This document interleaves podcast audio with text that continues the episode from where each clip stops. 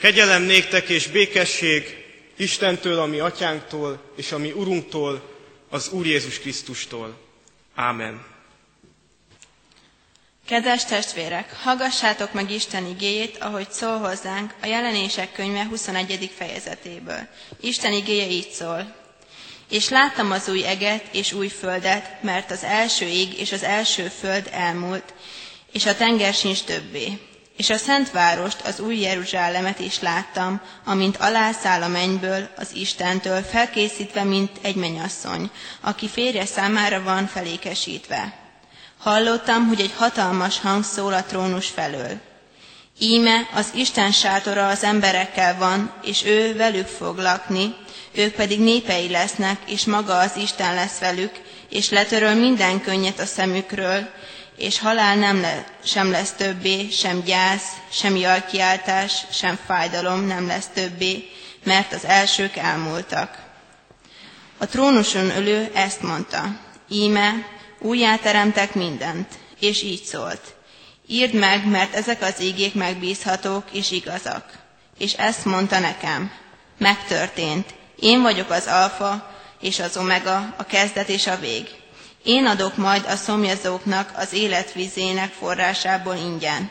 Aki győz, örökölni fogja mindezt, és Istene leszek annak, az pedig fiam lesz.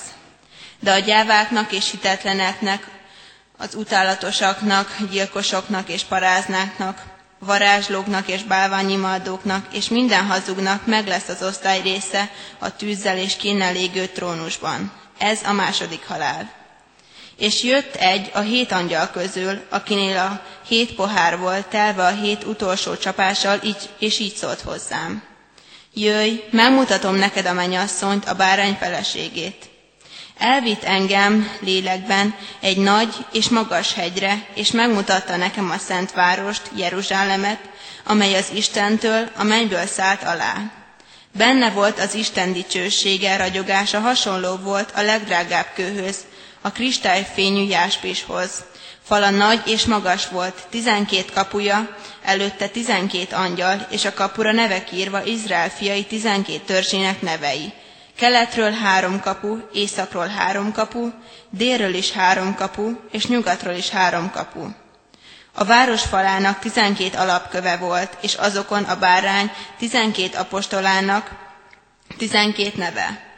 Aki velem beszélt, annál volt, egy arany mérővesző, hogy megmérje a várost, annak kapuit és falait. A város négyszögben fekszik, és a hossza annyi, mint a szélessége, és megmérte a várost a mérőveszővel. 12 ezer futam hossza, szélessége és magassága egyenlő. Megmérte a falát is, 144 könyök ember mértékével, ami az angyali is. Falának építőanyaga jáspis, és a város színarany tiszta üveghez hasonló. A város falának alapköveit mindenféle drága kövékesítette. Az első alapkő jáspis, a második szafír, a harmadik kalcedon, a negyedik smaragd, az ötödik szárdonix, a hatodik karneol, a hetedik krizolin, a nyolcadik beril, a kilencedik topáz, a tizedik kriszopráz, a tizenegyedik játszint, a tizenkettedik ametiszt. A tizenkét kapu, tizenkét, a tizenkét kapu, tizenkét gyöngy volt, a kapuk mindegyike egy-egy gyöngyből, és a város utcája színarany, mint az átlátszó üveg. Nem láttam templomot a városban, mert az Úr, a mindenható Isten és a báránynak a temploma. Napra nincs szüksége a városnak, sem holdra, hogy világítsanak neki, mert az Isten dicsősége világosította, és lámpása a bárány, a népek az ő világosságában fognak járni, és a föld királyai oda viszik be dicsőségüket. Kapuit nem zárják be nappal, éjszaka pedig nem lesz. A népek oda viszik dicsőségüket és tiszteletüket, tisztátalanok pedig nem jutnak be oda, sem olyanok, akik utálatosságot vagy hazugságot cselekszenek, hanem csak azok, akiknek be van írva a bárány, akik be vannak írva a bárány életkönyvébe. Amen.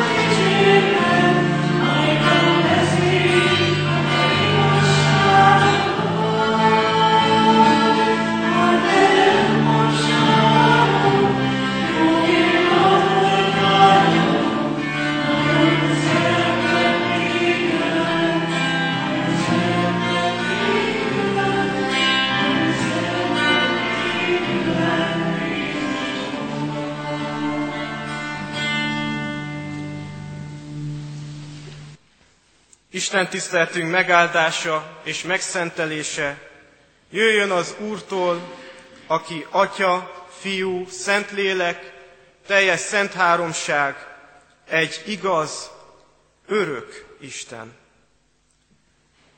Testvérek, hallgassátok meg Isten igéjét, amelynek alapján az ő szent lelkét segítségül híván hirdetni kívánom köztetek, a jelenések könyvének 21. rész 27. versét Károli fordításban.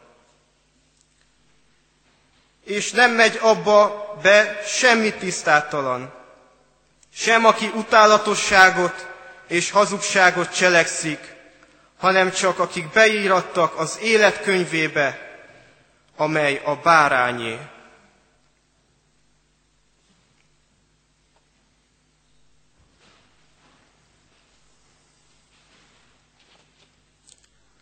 Drága testvérek, hallhattuk a felolvasott lekcióban, és tudhatjuk, hogy a világ, ami most fennáll, egyszer majd elmúlik. Mégpedig Krisztus visszajövetelével fog elmúlni. Erre a visszajövetelre várunk adventkor. Azonban Krisztus azért jön vissza, hogy ítéletet tartson. Majd ezután Isten újjáteremti a földet, és a menny, ahol az elhunyt hívők lelkei voltak, és vannak most is, a földön fog majd megvalósulni. Mert azt olvassuk, hogy a mennyből fog alászállni az újjáteremtett világ. És ebben az újjáteremtett világban nem lesz se halál, se gyász, és semmiféle szenvedés. Az egész univerzum az Istennel való örök boldog lét helye lesz. Azonban testvérek, azt is olvassuk, hogy ebbe az újjáteremtett világba nem mehet be semmi tisztátalan. Sőt, azok, akik tisztátalanok és nem méltóak az Isten szentségére, a kénköves tűzzel teli tóba rendeltetnek örök szenvedésre, az örök halára, vagyis az Istentől való örök elszakítottságra, ahol nincs semmi, csak szenvedés, a léleknek a kínok közt való örök vergődése. És engedjék meg a testvérek, hogy feltegyek egy kérdést Vajon van-e köztünk tiszta ember, aki nem olyan tisztátalan, mint ahogyan az ige írja? Van-e köztünk ilyen? Egyáltalán az emberiség körében, a világon van-e olyan ember, aki méltó arra, hogy az Isten országába bemenjen? Aki tiszta és fedhetetlen élt és él mindig, tökéletes életet él. Vajon van-e ilyen ember? Testvérek, a Biblia, az Isten igéje azt mondja, hogy nincs. Az Isten igéje, a Szentírás azt mondja, hogy egyedül az Isten a legtisztább és a legszentebb létező. Isten a legszentebb és az egyetlen tökéletes. Angol száz református testvéreink hivatalosan elfogadott hitvallása, a Westminsteri hitvallás így fogalmaz Istenről az ige alapján. Csak egy élő Isten van, aki lényében és tökéletességében végtelen. Ő a legtisztább lélek, láthatatlan, test vagy részek nélkül való, szenvedélytől, indulattól mentes.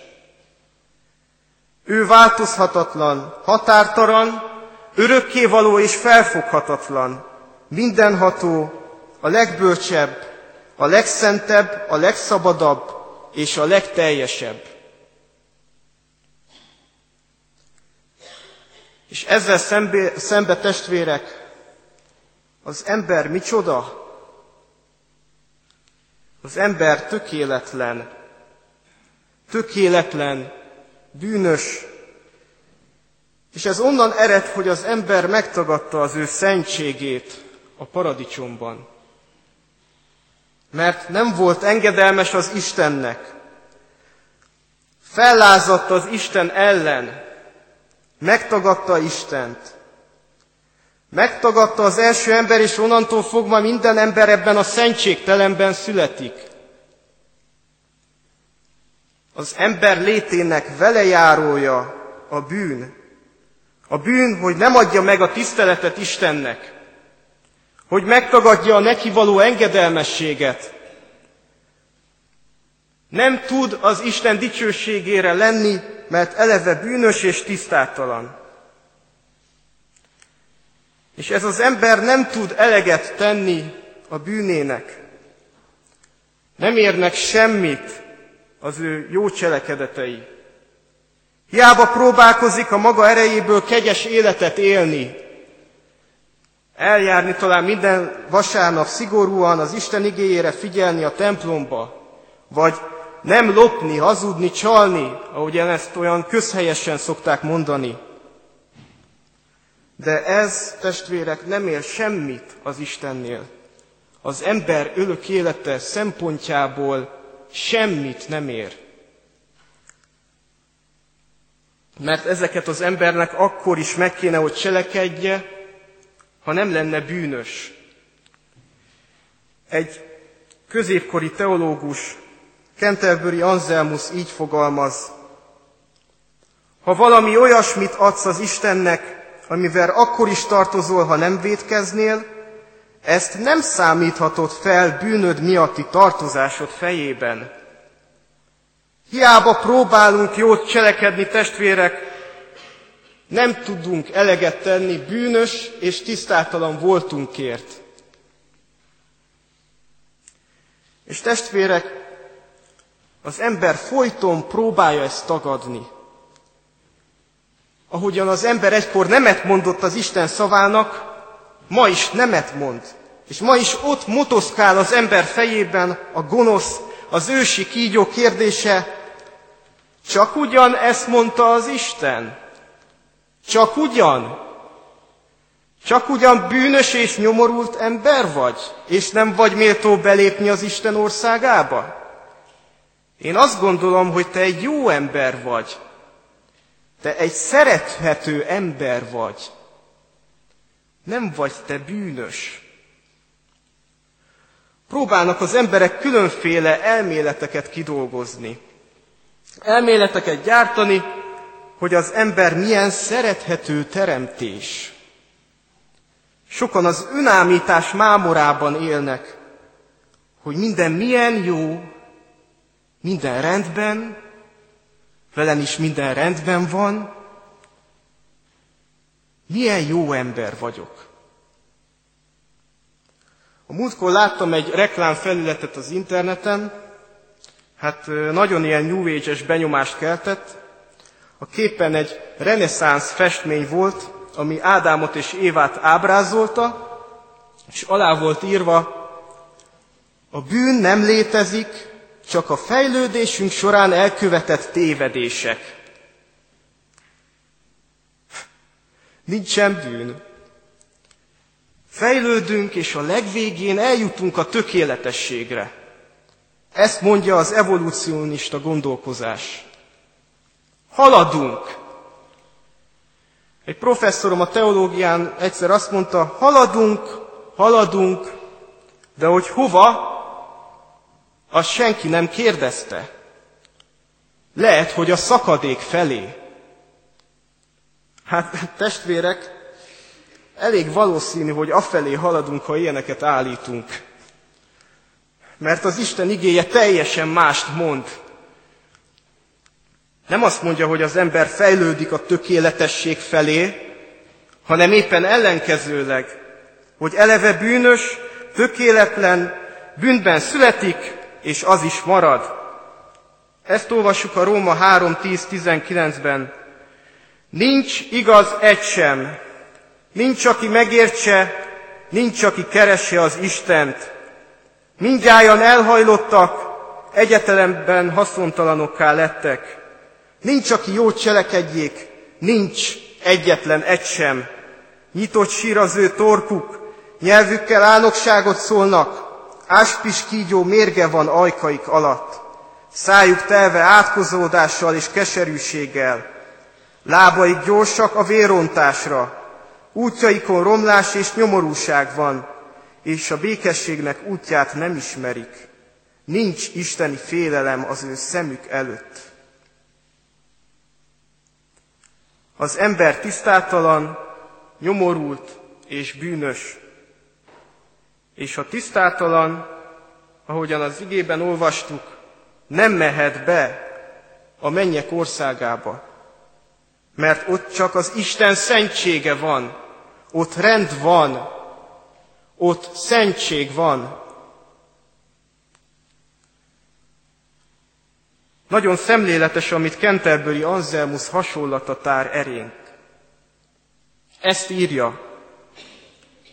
Tegyük fel, hogy egy gazdag ember a kezében tart egy drága követ, amelyet soha semmi szenny nem ért, és amelyet senki nem vehet el tőle az engedélye nélkül. Ő pedig úgy rendelközik, hogy a követ helyezzék a kincstárába, ahol a birtokában lévő többi igen értékes és drága kincs van. Nos, mi lenne, ha ez az ember, bár megakadályozhatná, hogy egy irigye kiüsse a kezéből a drága követ a sárba, azután meg kivenné a sárból, és azon piszkosan, sárosan egy tiszta és számára kedves helyre tenné, és ettől fogva így kívánná tovább őrizni. Bölcsnek tartanád-e ezt a gazdagot? Nem-e Isten is hasonló kép, ha ezt a bűn sarával, bekocs, bűn sarával bemocskolt embert azon megtisztítatlanul, azaz elégtétel nélkül vezetné vissza a paradicsomba, ahonnan egyszer már kiűzte, úgy, hogy az ember mindig meg is maradna, ott ilyen szennyesen.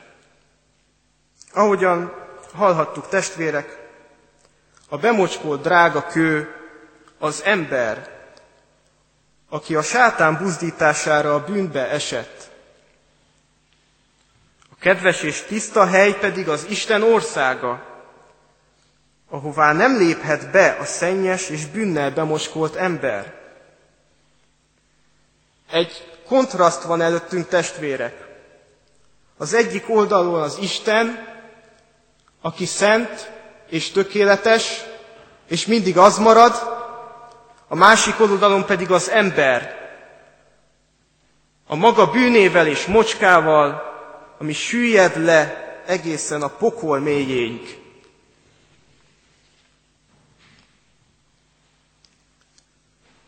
Kedves testvérek, ez a tény nem éppen kedves az emberek előtt. Már tény is valahogy nem éppen pozitív. Nem szeret az ember hallani erről. De ezt mondja az Isten igéje. Egy nagyon kedves szolgatársamat egyszer elhívták egy gyülekezetbe prédikálni. És a prédikáció után odament hozzá egy férfi, és azt mondta neki, hogy ha ő lenne ott, vagyis ez a kedves szolgatársam lelkész, akkor nem biztos, hogy járna templomba. És miért?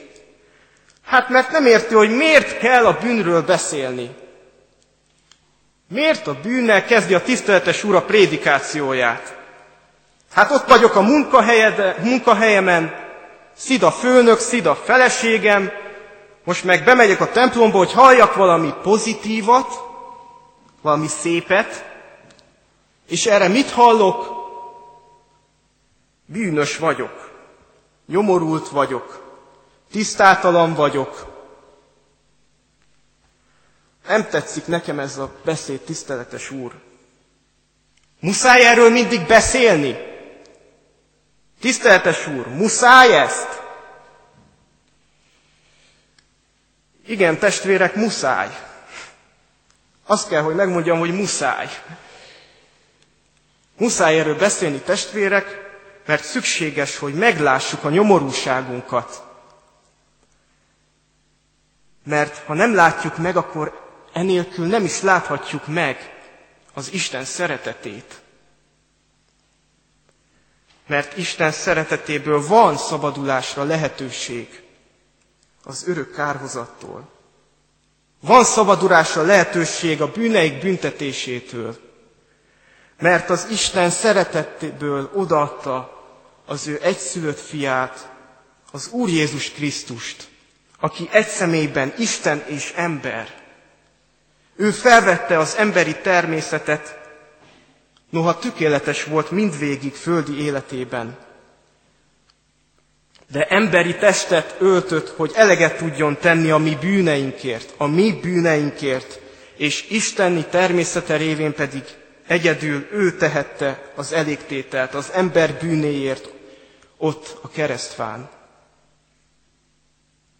Ő a bárány, ahogyan a jelenések könyve fogalmaz. A bárány, aki az élet könyve. Testvérek, az örök élet Krisztusban adatott az embernek. Egyedül kegyelemből, nem a mi érdemünk által, hanem egyedül kegyelemből. Egyedül kegyelemből tudunk megtartatni. Mert mit is olvasunk itt a jelenések könyvében? Azt olvassuk, akik beírattak az élet könyvébe. Akik beírattak, akiket az Isten az ő kegyelméből beírat az élet könyvébe a Krisztusban. És ez kegyelemből történt. Nem a szabad akaratom vagy a saját döntésem által, mert a nyomorúságunk miatt nem tudunk magunktól hinni ebben a Krisztusban, hanem az ő kegyelme kell ahhoz, hogy hitet adjon nekünk. Az ő kegyelme kell ahhoz, hogy megelőzze a mi döntésünket.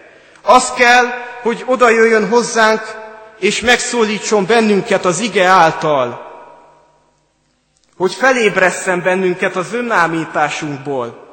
Ébredj fel, aki alszol ahogyan olvassuk az Efézus 2-ben. Ébredj fel, aki alszol, támadjál fel a halálból. A halálból támadj fel, mert bizony halott vagy. Halott vagy, ha nem erre a Krisztusra bízod magad.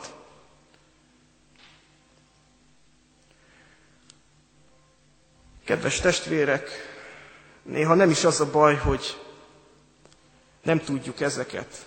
Mert Biztosan tudjuk, mert hallhattuk már nem egyszer, hanem hogy valóban hisszük-e ezt, és valóban bevalljuk-e magunknak, hogy az én cselekedeteim erőtlenek, romlott és nyomorult vagyok, és tisztátalanként nem láthatom meg az Isten örök országát. És ezért nekem szükségem van a megváltóra, a Krisztusra, aki az élet könyve, mert ő az egyetlen, az egyetlen, aki által örök életem lehet. Örök boldogságban lehet részem ő vele. Testvérek, ha ezt nem hisszük, akkor elveszünk. Lehet, testvérem, diák vagy tanár, presbiter vagy gondnok, évek óta templomba járó gyülekezeti tag,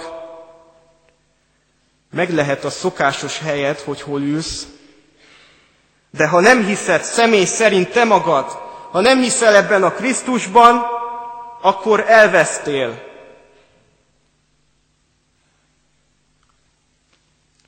Azonban, ha hiszed, ha hiszed, hogy ez a Krisztus, aki mint egy áldozati bárány megöletett te érted, akkor közösséged lehet ezzel a Krisztussal.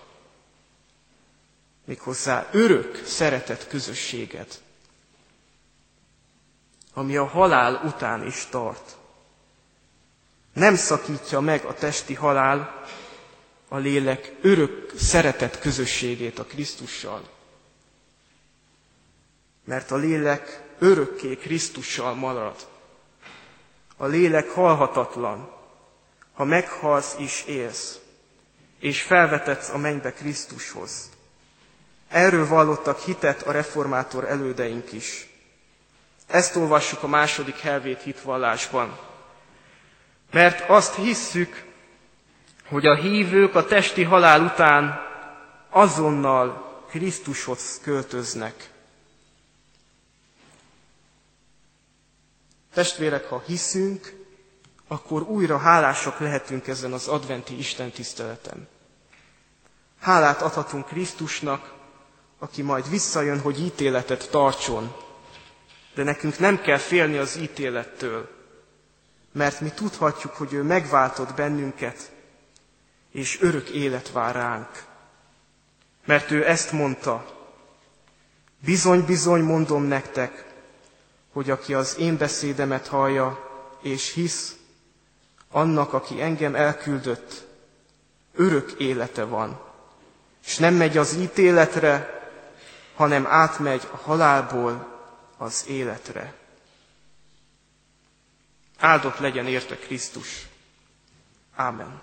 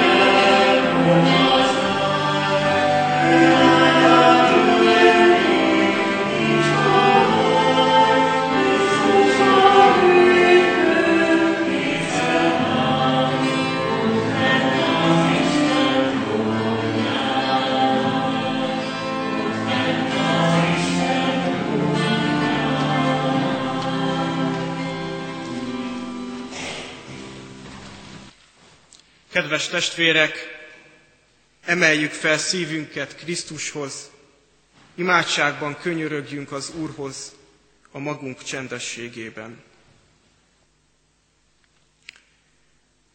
Könyörögjünk Augustinus imádságával. Uram Jézusom, ismerjem meg magamat, ismerjelek meg téged. Ne kívánjak mást, csak téged. Gyűlöljem magamat, és szeresselek téged. Mindent értett tegyek. Alázzam meg magamat, magasztaljalak fel téged. Másra ne gondoljak, csak rád. Tagadjam meg magamat, és benned éljek. Bármi ér, fogadjam el tőled. Magamat megvessem, példádat kövessem. Fussak magamtól, fussak hozzád, hogy te védj meg engem. Féljek magamtól, féljelek téged, hogy választottait közt legyek. Benned bízzak, ne magamban, érted engedelmes legyek. Semmi se vonzon, csak te, és érted szegény legyek. Tekints rám, hogy szeresselek, hív, hogy lássalak, és örökké téged ágyalak. Ámen. Ti azért így imádkozzatok. Mi atyánk, aki a mennyekben vagy, szenteltessék meg a te neved. Jöjjön el a te országod, legyen meg a te akaratod, amint a mennyben, úgy a földön is. Minden napi kenyerünket add meg nékünk ma, és bocsáss meg védkeinket, miképpen mi is megbocsájtunk az ellenünk védkezőknek. És ne vigy minket kísértésbe, de szabadíts meg minket a gonosztól, mert Jéd az ország, a hatalom és a dicsőség mind örökké. Ámen. Kedves testvérek, is, Isten tiszteltünknek ahhoz a pontjához érkeztünk, mely talán furcsának tűnik magyar református templomban, de amelyet nagyon sok keresztény gyülekezet gyakorol. Ez az Isten tisztelten történő adakozás. Azért tartjuk ezt fontosnak az ifjúság részéről, mert így nem csak adakozás történik, hanem hálát is tudunk adni javainkért, és fel tudjuk ajánlani együtt is adományunkat Isten és az ő egyháza céljaira. Ezen az estén adományaitokkal az ifjúsági munka céljait támogatjátok. Ezt is figyelembe véve adakozzatok Isten iránti örömteli, hálás szívvel. Most adjunk hálát, fennállva, imádságban, és ajánljuk fel összeadott javainkat Istennek, és kérjünk áldást azokra. Mennyei atyánk, köszönjük, hogy annyi jóval áldod meg életünket. Köszönjük elsősorban az életünket neked. Olyan hihetetlen, hogy életünknek vannak gyümölcsei, munkák, nem hiába való, és ha nélkülözünk is olykor, mindig van gondod ránk. Így, mint akik tudjuk, milyen nélkülözni, adunk vissza a te céljaidra abból, amit tőled kaptunk. Add, Urunk, hogy csekély áldozatunkon legyen a te áldásod, és a te akaratodnak megfelelő célok valósuljanak meg belőle. Urunk, kezénk munkáját tedd maradandóvá. Amen. A hirdetőlapokat megtaláljátok testvéreim a kiáratoknál, épp ezért most csupán egy dolgot hirdetek, a sajta egyiken sem. Most az Isten tisztelet után az ifjúság tart egy karácsony közeli összejövetelt a galérián, aki ifjúságunk tagja, a szeretettel várjuk erre a karácsonyozásra. Isten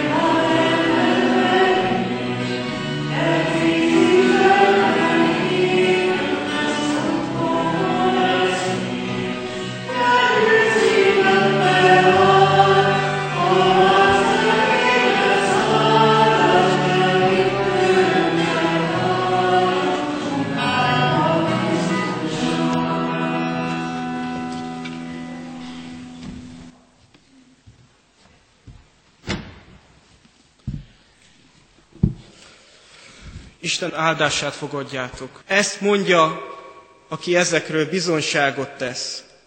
Bizony, hamar eljövök. Ámen. Bizony, jövel, Uram Jézus. Ami Urunk Jézus Krisztusnak kegyelme legyen mindjárt ti veletek. Ámen.